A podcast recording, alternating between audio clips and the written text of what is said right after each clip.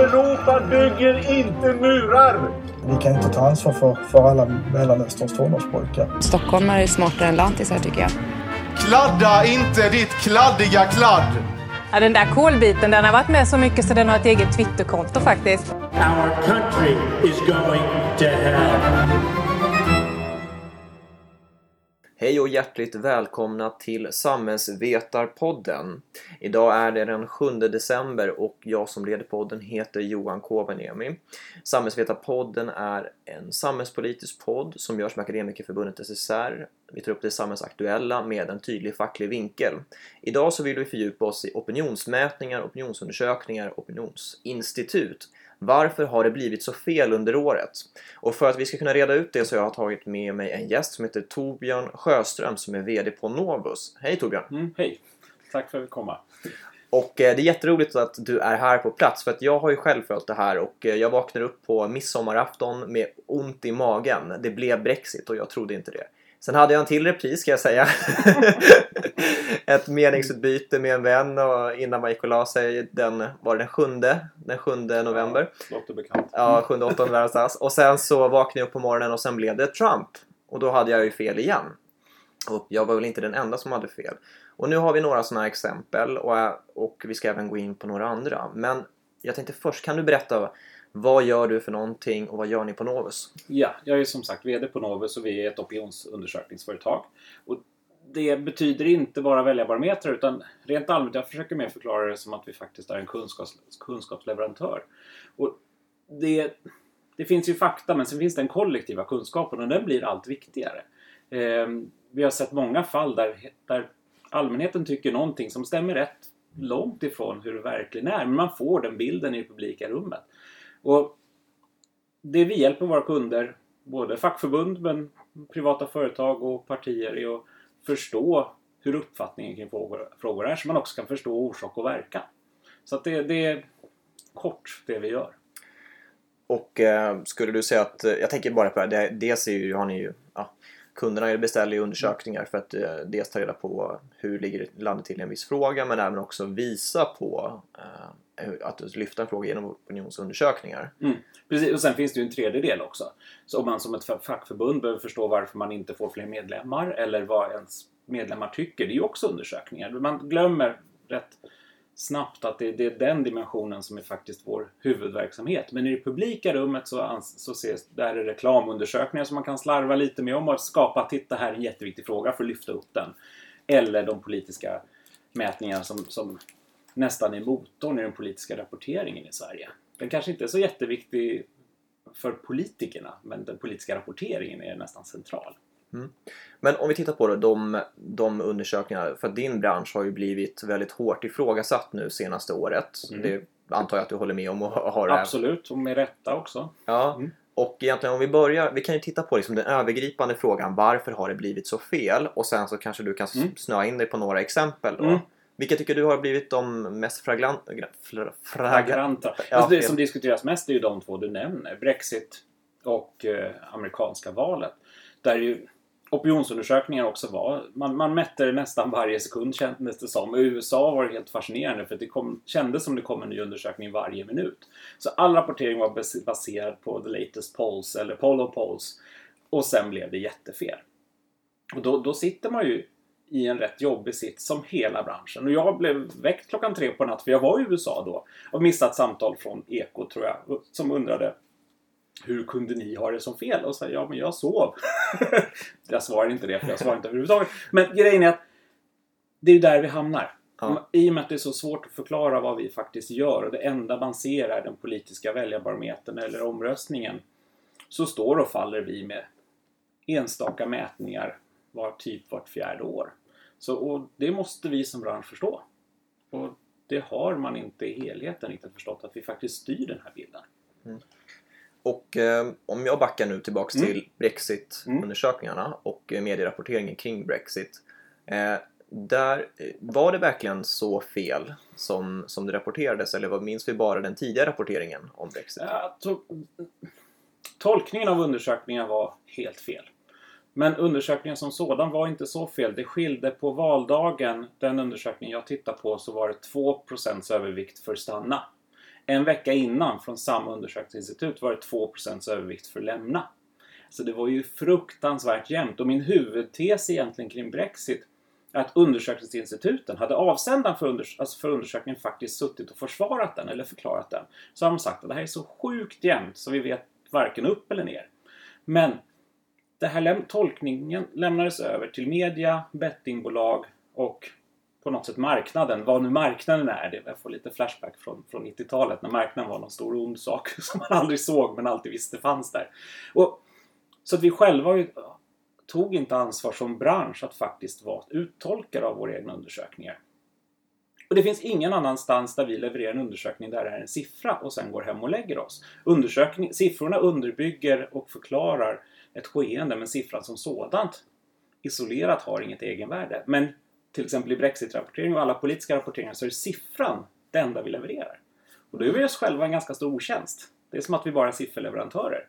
Och det är, man kommer inte till oss och säger hej jag vill köpa en siffra tack. Utan man vill ju faktiskt veta vad folk tycker, vad trenden är och så vidare. Och när vi abdikerar i det publika rummet och blir en sifferleverantör, ja då kan vi inte skylla på om tolkningen blir fel om vi inte tar ansvar för att vi faktiskt är avsändare av tolkningen. Så det är lite självkritik från branschen helt enkelt? Eller från mig till branschen. Ja.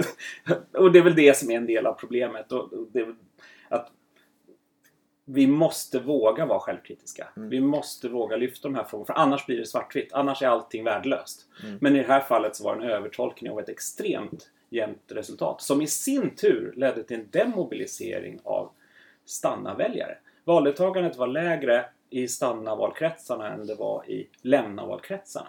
För, ja, Ja, och jag tänkte på det. det senast nu i andra halvan av lördagsintervjun, eh, Sveriges mm. Radio, så, så pratade de om olika faktorer med, eh, vad heter han, Sören Holmberg. Ja, Okej, okay, ja, jag lyssnade ja, inte på det. Nej, men ja. kortfattat, mm. de tar upp de här olika, mm. vad kan en opinionsmätning påverka mm. i sig opinionen i någon mm. riktning då? Och det var dels eh, bandwagon-teorin då, att det mm. gynnar, gynnar favoriten och sen hade man då att det jag tror inte det hade ett namn då, men det sänker mobiliseringsgraden. Om man Precis. ändå tror att sin kandidat eller fråga mm. kommer att vinna så känner jag inget starkt behov av att gå ut och att göra min plikt och rösta. Och, och det, är, det stämmer. Men undersökningen som sådan har ingen påverkande effekt. Utan det är hur den tolkas och att den publiceras. Och det är här som vi har ett samspel. Det är media tillsammans med undersöknings eller med hjälp av undersökningsresultatet som skapar den här effekten. Om vi tittar på Colombia, där det också var tokfel. Eh, det folk missar där var att regeringen hade en fest dagen innan omröstningen över att de hade vunnit. Och det var förbjudet med väljarbarometrar hela sista veckan inför valet. Så att de gick på en tidigare mätning. Farc-gerillan är ansvarig för ungefär 200 000 döda i Colombia. Det var ganska provocerande att de gick och slog sig för bröstet och många grupper var arga att man hyllade Falkgerillan som en jämnbörd till liksom en mer eller mindre demokratiskt vald regering. Valdeltagandet gick ner med nästan 20% jämfört med... Det var drygt 30% valdeltagande i den omröstningen. Presidentvalet innan var det 50%. Så att här har vi en demobilisering bland stanna-väljarna. Inte jättestabil demokrati. Och man tog ut segern i förväg. En, också en demobiliserande effekt. Men man litar på gamla undersökningar. Så det här med att förbjuda undersökningar de sista veckorna. Här har det faktiskt lyfts tankar i Colombia att det hade nog varit bra om vi mätt under den perioden också för då hade man kanske inte tagit ut segern i förväg. Du menar som ett försvar då till att de här effekterna det kan slå lite olika? Ja, exakt. Alltså, det går inte, man kan inte skylla på att man mäter. Det är ungefär som att vara arg på att man bränner sig för vattnet är för varmt. Men det är ju inte temperaturen det är fel på. Jo, men alltså, Sverige, det är inte termometern det är fel på menar jag. Men i Sverige mm. så tillåter vi ju inte exit polls. Jo det, jo, det gör vi. Fast men... vi... Jo, vi gör faktiskt det. Men jag har bråkat lite, typ tyvärr, och flera andra, att det inte är en bra grej att publicera dem innan vallokalen har stängt. Men det, det är fullt lagligt. Men däremot är acceptansen låg med rätta. Och, men där pratar vi om några timmars fönster. Under tiden man kan gå ut och säga att det är klart och man fortfarande kan påverka det. Men det finns ingenting som hindrar oss i Sverige.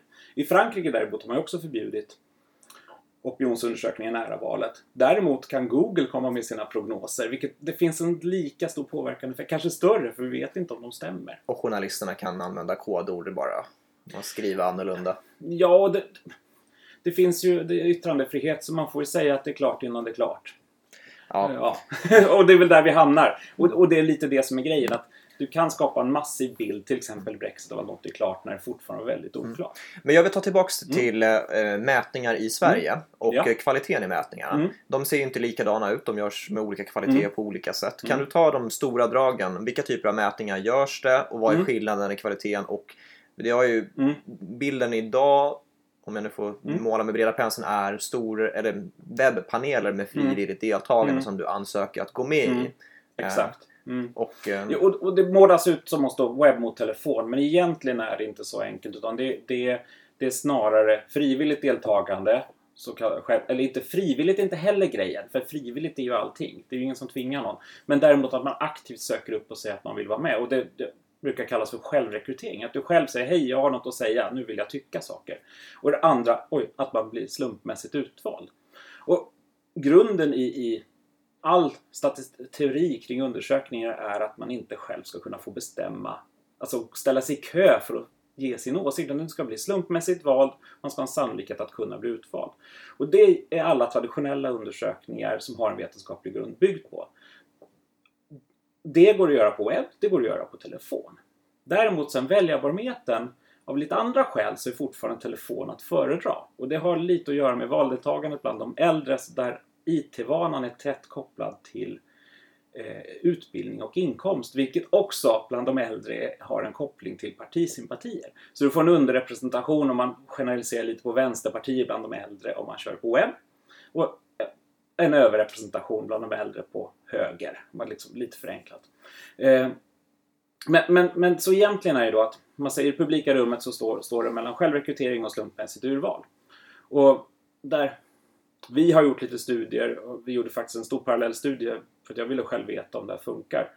Eh, 7000 intervjuer och sju olika urval och jämförde självrekryterat mot slump och hitta inget som tyder där på att en självrekryterad panel funkar. Eller bli, förlåt, den kan funka men du kan inte lita på att den är, funkar. Och det, har, det finns lite siffror som visar på det här också. Det finns nämligen ingen felmarginal. Och vad felmarginalen säger är vilken, vilken sannolikhet du har att det är rätt eller fel. Saknar du den, då har du ju egentligen en felmarginal som är 100%. Mm. Det är inte jättebra. Ja. Då kan man, om man raljerar lite, gå på ma- magkänsla istället. Om du inte har några siffror att falla tillbaka till. Ja, Okej. Så, och du skulle självklart lyfta den metod som du använder såklart. Mm, och som har funkat sedan Mm. 1940-talet. Ja. Alltså, och det finns vetenskapligt stöd för. Så det är lite där, den lilla detaljen där att det vi... Det är där man tror att vi gör det här bara för någon form av egenintresse. Grejen är att det är dyrare att göra med ett slumpurval. Eh, ledtiderna kan bli lite längre. Det är inte bara det som är grejen. Det finns ju också andra hur man formulerar frågor och så vidare. Men det här är ändå liksom steg ett i det. Har du dåligt urval så blir det lite skit in, skit ut. Eh, och, men vi hade lätt kunnat göra det andra rent tekniskt och rent praktiskt. Men inte affärsetiskt. För att om inte vi kan tro på de siffrorna som våra kunder har betalat dyrt för, eller undersökningar som våra kunder betalar dyrt för att få. Ja, jag skulle inte kunna stå för det. Nej, nej, Svårare förstår. så är det inte. Ja. Ja, Nej, det, nej, det, nej, nej. nej, men det, det låter hårt och Mm. det låter jävligt krasst. Men det är faktiskt så. Ja. Och vi har ett problem med förtroende. Och kan vi då inte ha integriteten och stå för det vi gör? Ja, det är ju klart att ingen kan lita på oss. Alltså, det är faktiskt där som är kärnan i det vi gör. Och om man tittar i Sverige då så Mm. har ju ett parti som har stuckit ut där jämfört med valresultat och um, opinionsmätningar har varit Sverigedemokraterna konsekvent. Eh, Japp. Och var i, där pratar vi ibland om den här Mm. skämsfaktorn, Mm. att du inte vill berätta vilket parti du röstar på. Eh, eller Precis. att på något sätt att man, Mm. man missar det här stödet som finns och det ska ha nu Mm. kompenserats för Mm. på olika sätt. Precis, och det har ju funnits lite olika... Man har oftast pratat om Bradley-effekten eller, skameffekten, men det finns väldigt lite stöd för det. Det har egentligen med frågor liknande könssjukdomar och att du ringer upp och frågar någon om det. Mm. Och ett parti som var tionde svensk säger faktiskt mer eller mindre röstar på, och nu är det mer än så, men där ska det inte finnas en skameffekt. Men det som hände. För det första, en intressant sak. Vem, vem var närmast valet 2010? Det var Ipsos. Fast då hette de Synovate och det var på telefon. Det talar emot en, en systematisk metodproblem där webben skulle vara tryggare. Däremot 2014 såg vi ett systematiskt underskattande faktiskt från alla aktörer som, som har och regelbundet publicerar undersökningar i Sverige. Den enda som hade rätt på Sverigedemokraterna var Centio. Däremot hade de fel på alla andra partier. Så att det faller lite på... Det, det, jag skulle hellre ha rätt på sju istället för på en. Eh, men det vi kunde se då, för att det här kollade jag rätt fort på, var att det fanns en misstroendeeffekt. Att vi som undersökningsbransch kopplas direkt ihop med media. Media har blivit en sanning om att det är vinklat. Eh, vi har visat på lite undersökningar att man, man litar fortfarande hyfsat bra på media. Det är ingen som har högt förtroende ingen som har förtroende för kvällstidningarna. Men däremot, man tror inte att de ljuger. Men däremot tror man att man skapar en bild av den sanningen som de själva föredrar. De blir aktivister snarare än att faktiskt rapportera om saker. Vi drogs med i det här. Man uppfattade undersökningarna som en del av media och det finns ganska långa trådar på Flashback och liknande där, där man pratar om väldigt avancerade modeller för hur vi blir köpta av massmedia. Som att de skulle ha några pengar överhuvudtaget. Och med tanke på mediekrisen så är det väl inte det de skulle betala för. Men att det finns en konspiration och skapa en bild. Det straffade oss. Det som vi såg när vi efteråt, för vi underskattade Sverigedemokraterna alldeles för mycket. Vi hade rätt på det parlamentariska läget. Vi visste att den rödgröna regeringen skulle vara större än alliansen. Vi visste att SD skulle bli vågmästare. Det visste faktiskt alla undersökningsinstitut. Så det var inte som i Brexit, så var oh shit, det här var ju precis tvärtemot vad vi trodde. Utan vi hade bra koll, men för mycket fel på SD. Men det vi såg då i, i uppföljningen efteråt var att vi nådde de här människorna. Eh, det fanns en grupp, nu är det ungefär en procentenhet av de vi intervjuar, som har åsikter om precis allting förutom partival. Vilket är tvärs emot vad en, de vanliga missnöjes eller soffan, man slarvar lite med de här, eller förlåt, osäkra väljarna eller soffan eh, brukar vara. För att de har inte åsikter om någonting. De är inte politiskt intresserade. Man har egentligen inga åsikter om varken flyktingpolitiken, Fi eller, eller rädslan för terrorism eller någonting. Utan man är lite vid sidan av. Men här hade vi en grupp, på ungefär en procentenhet nu, som hade åsikter om precis allting förutom partival. Och av en slump så gjorde vi en sambandsanalys och jämförde med den traditionella värderingen på en SD-väljare. Så klickade de i alla rutorna på den. Så vi kunde bygga upp en modell med uppföljande frågor som faktiskt kan göra en estimat på den här misstroendeeffekten som det är. Vilket gör, idag ger en effekt på ungefär en procentenhet. Så det är mycket mindre nu för att det är mycket mer socialt accepterat. Det, det är en mycket större grupp. Så att, och det betyder inte att det här felet blir större för det här är mer någon form av kärna av SD-väljarna. Det är de som på riktigt i större omfattning är inne på Flashback och läser de här trådarna om konspirationerna. Det är inte de här nya SD-väljarna. Okej. Okay. Så att det, det, men, men det går inte att ignorera om vi ska ta den här undersökningen på allvar. Men vad tror du då om eh, framtiden för eh, opinionsmätningar om vi tar Sverige som kontext? Mm. Vi, vi, är också rätt bortskämda. Och det är väl lite det att vi pratar om att det är en katastrof när, kring valet. Medan i England och USA och, och Colombia klarar man inte ens ett 50 procent. Så Nästan var det större sannolikhet att man hade gissat än att man mätt. I Sverige pratar man ah, om att vi hade faktiskt underskattat SD men vi hade egentligen helt rätt på det parlamentariska läget och det gällde faktiskt alla aktörer.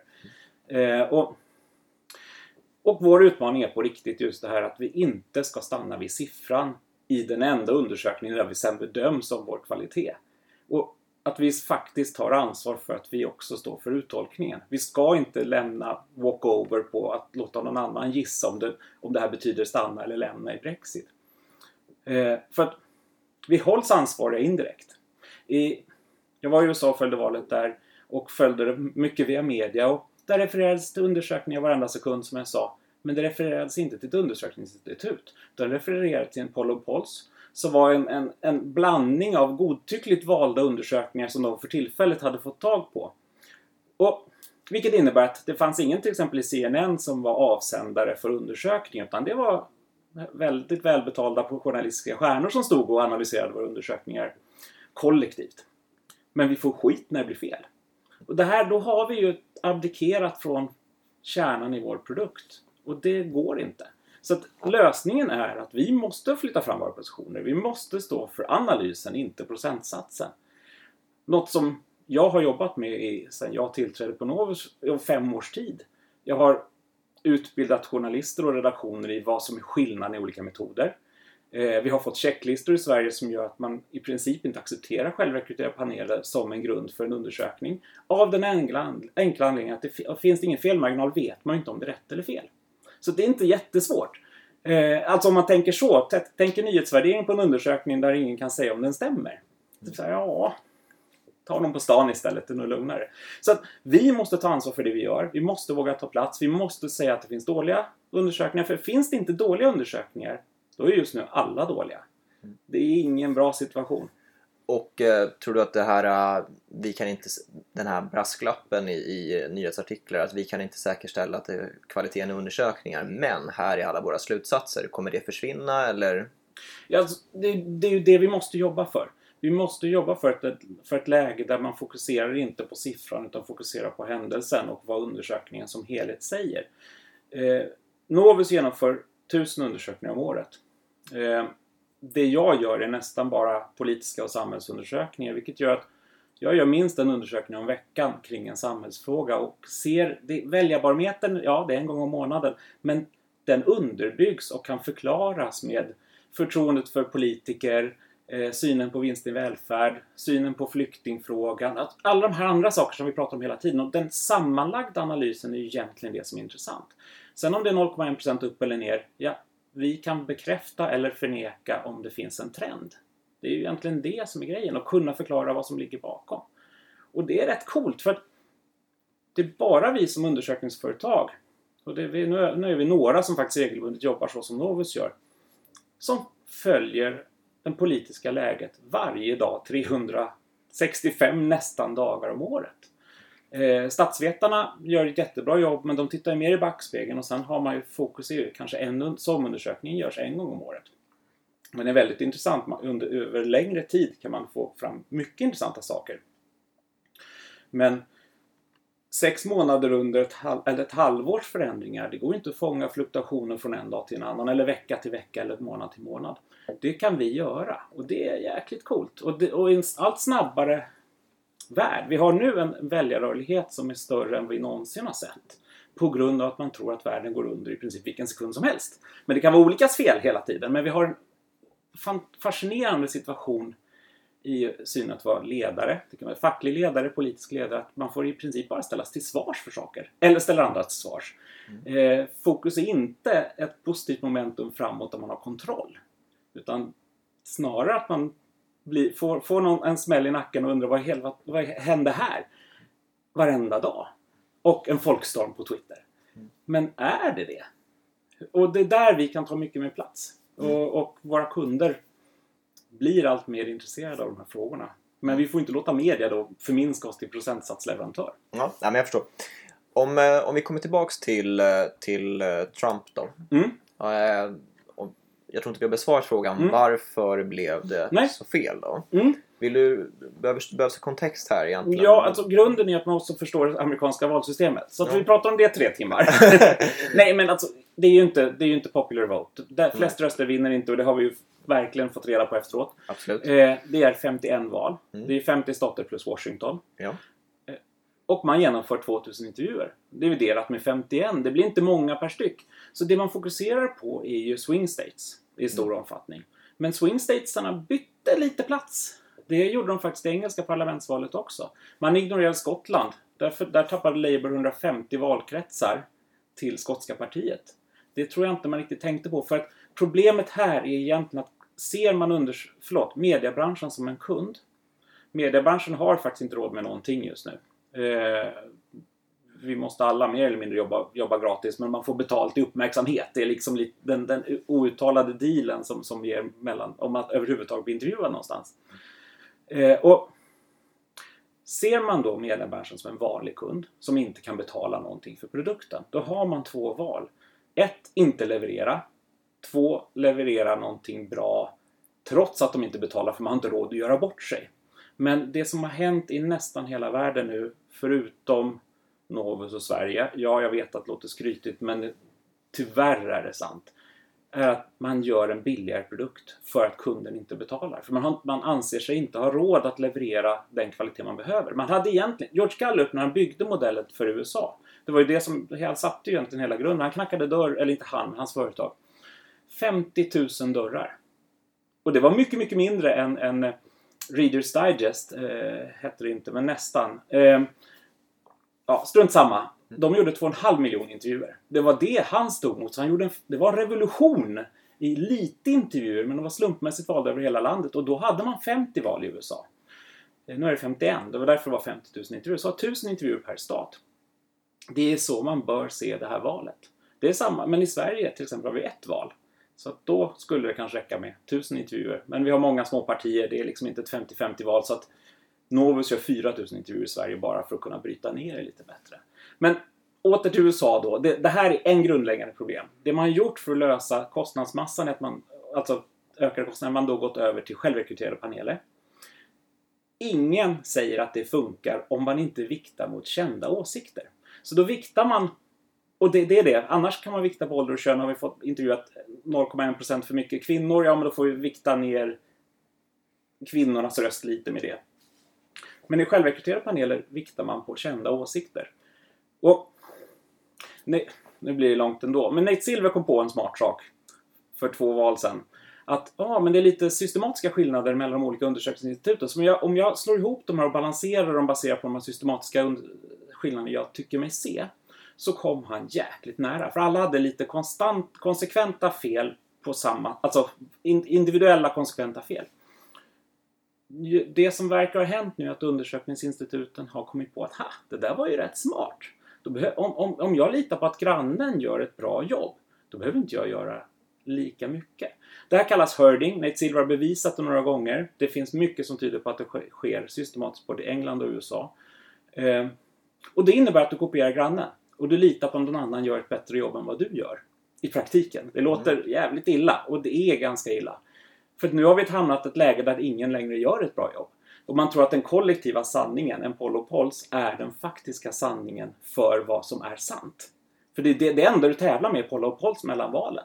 Sen har du tokfel och sen så går det över. Men man tror att det blir sant för att alla säger samma sak. Och det vet vi att det stämmer ju inte.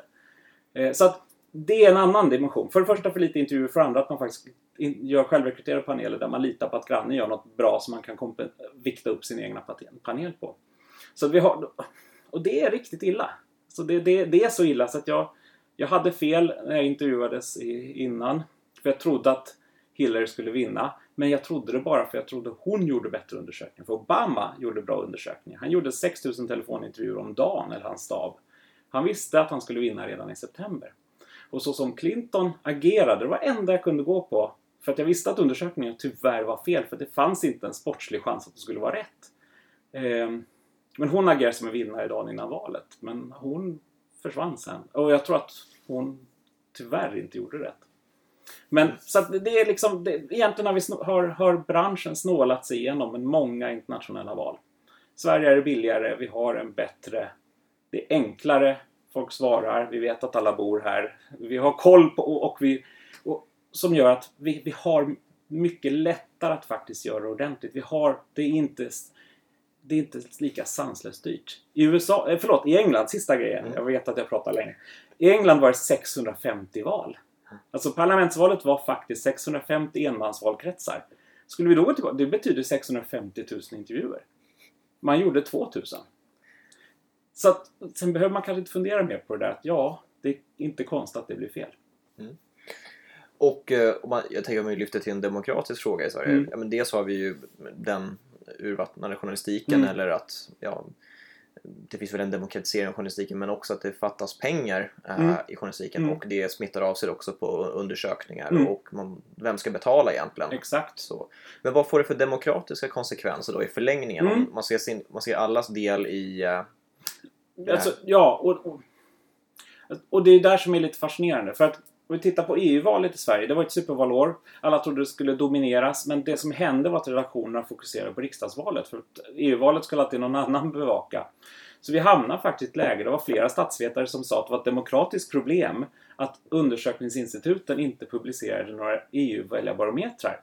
För att vi fick faktiskt inga beställningar. Jag tror vi levererade tre för Ekot eh, SIFO levererade tre eller fyra stycken för Europaportalen. Det var i princip allt som faktiskt levererades med, någon regelbundenhet. Och det var så illa så att Henrik Oskarsson eh, inte kunde göra en Polo Pols. och, och, och, och, då var det vårt fel. Och det var lite fascinerande. För att vi är privata vinstdrivande företag som, som gör det här trots att vi inte får betalt för det, mer eller mindre. För vi får knappt ta kostnadstäckning trots när vi får beställning från media. Och, och det är ju illa. Det, det, men som tur var så finns det några aktörer, där jag räknar Novus, men även eh, Sifo, eh, som faktiskt har ett samhälle, vi vill faktiskt göra bra saker. Vi har en stolthet och vi kämpar också med att leverera bra saker trots att vi inte får full kostnadstäckning ens. Och det eh, kommer vi förhoppningsvis kunna fortsätta med. Men annars får vi ett demokratiskt problem.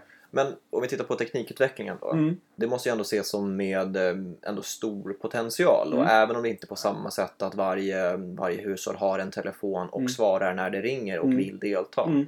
Och om bilden är ganska dyster nu då att uh, fler personer har mobiltelefoner, svarar inte på okända nummer. Mm. Och därför så finns det ett bortfall på ett, på ett helt nytt sätt då. Hur hanterar ni det då?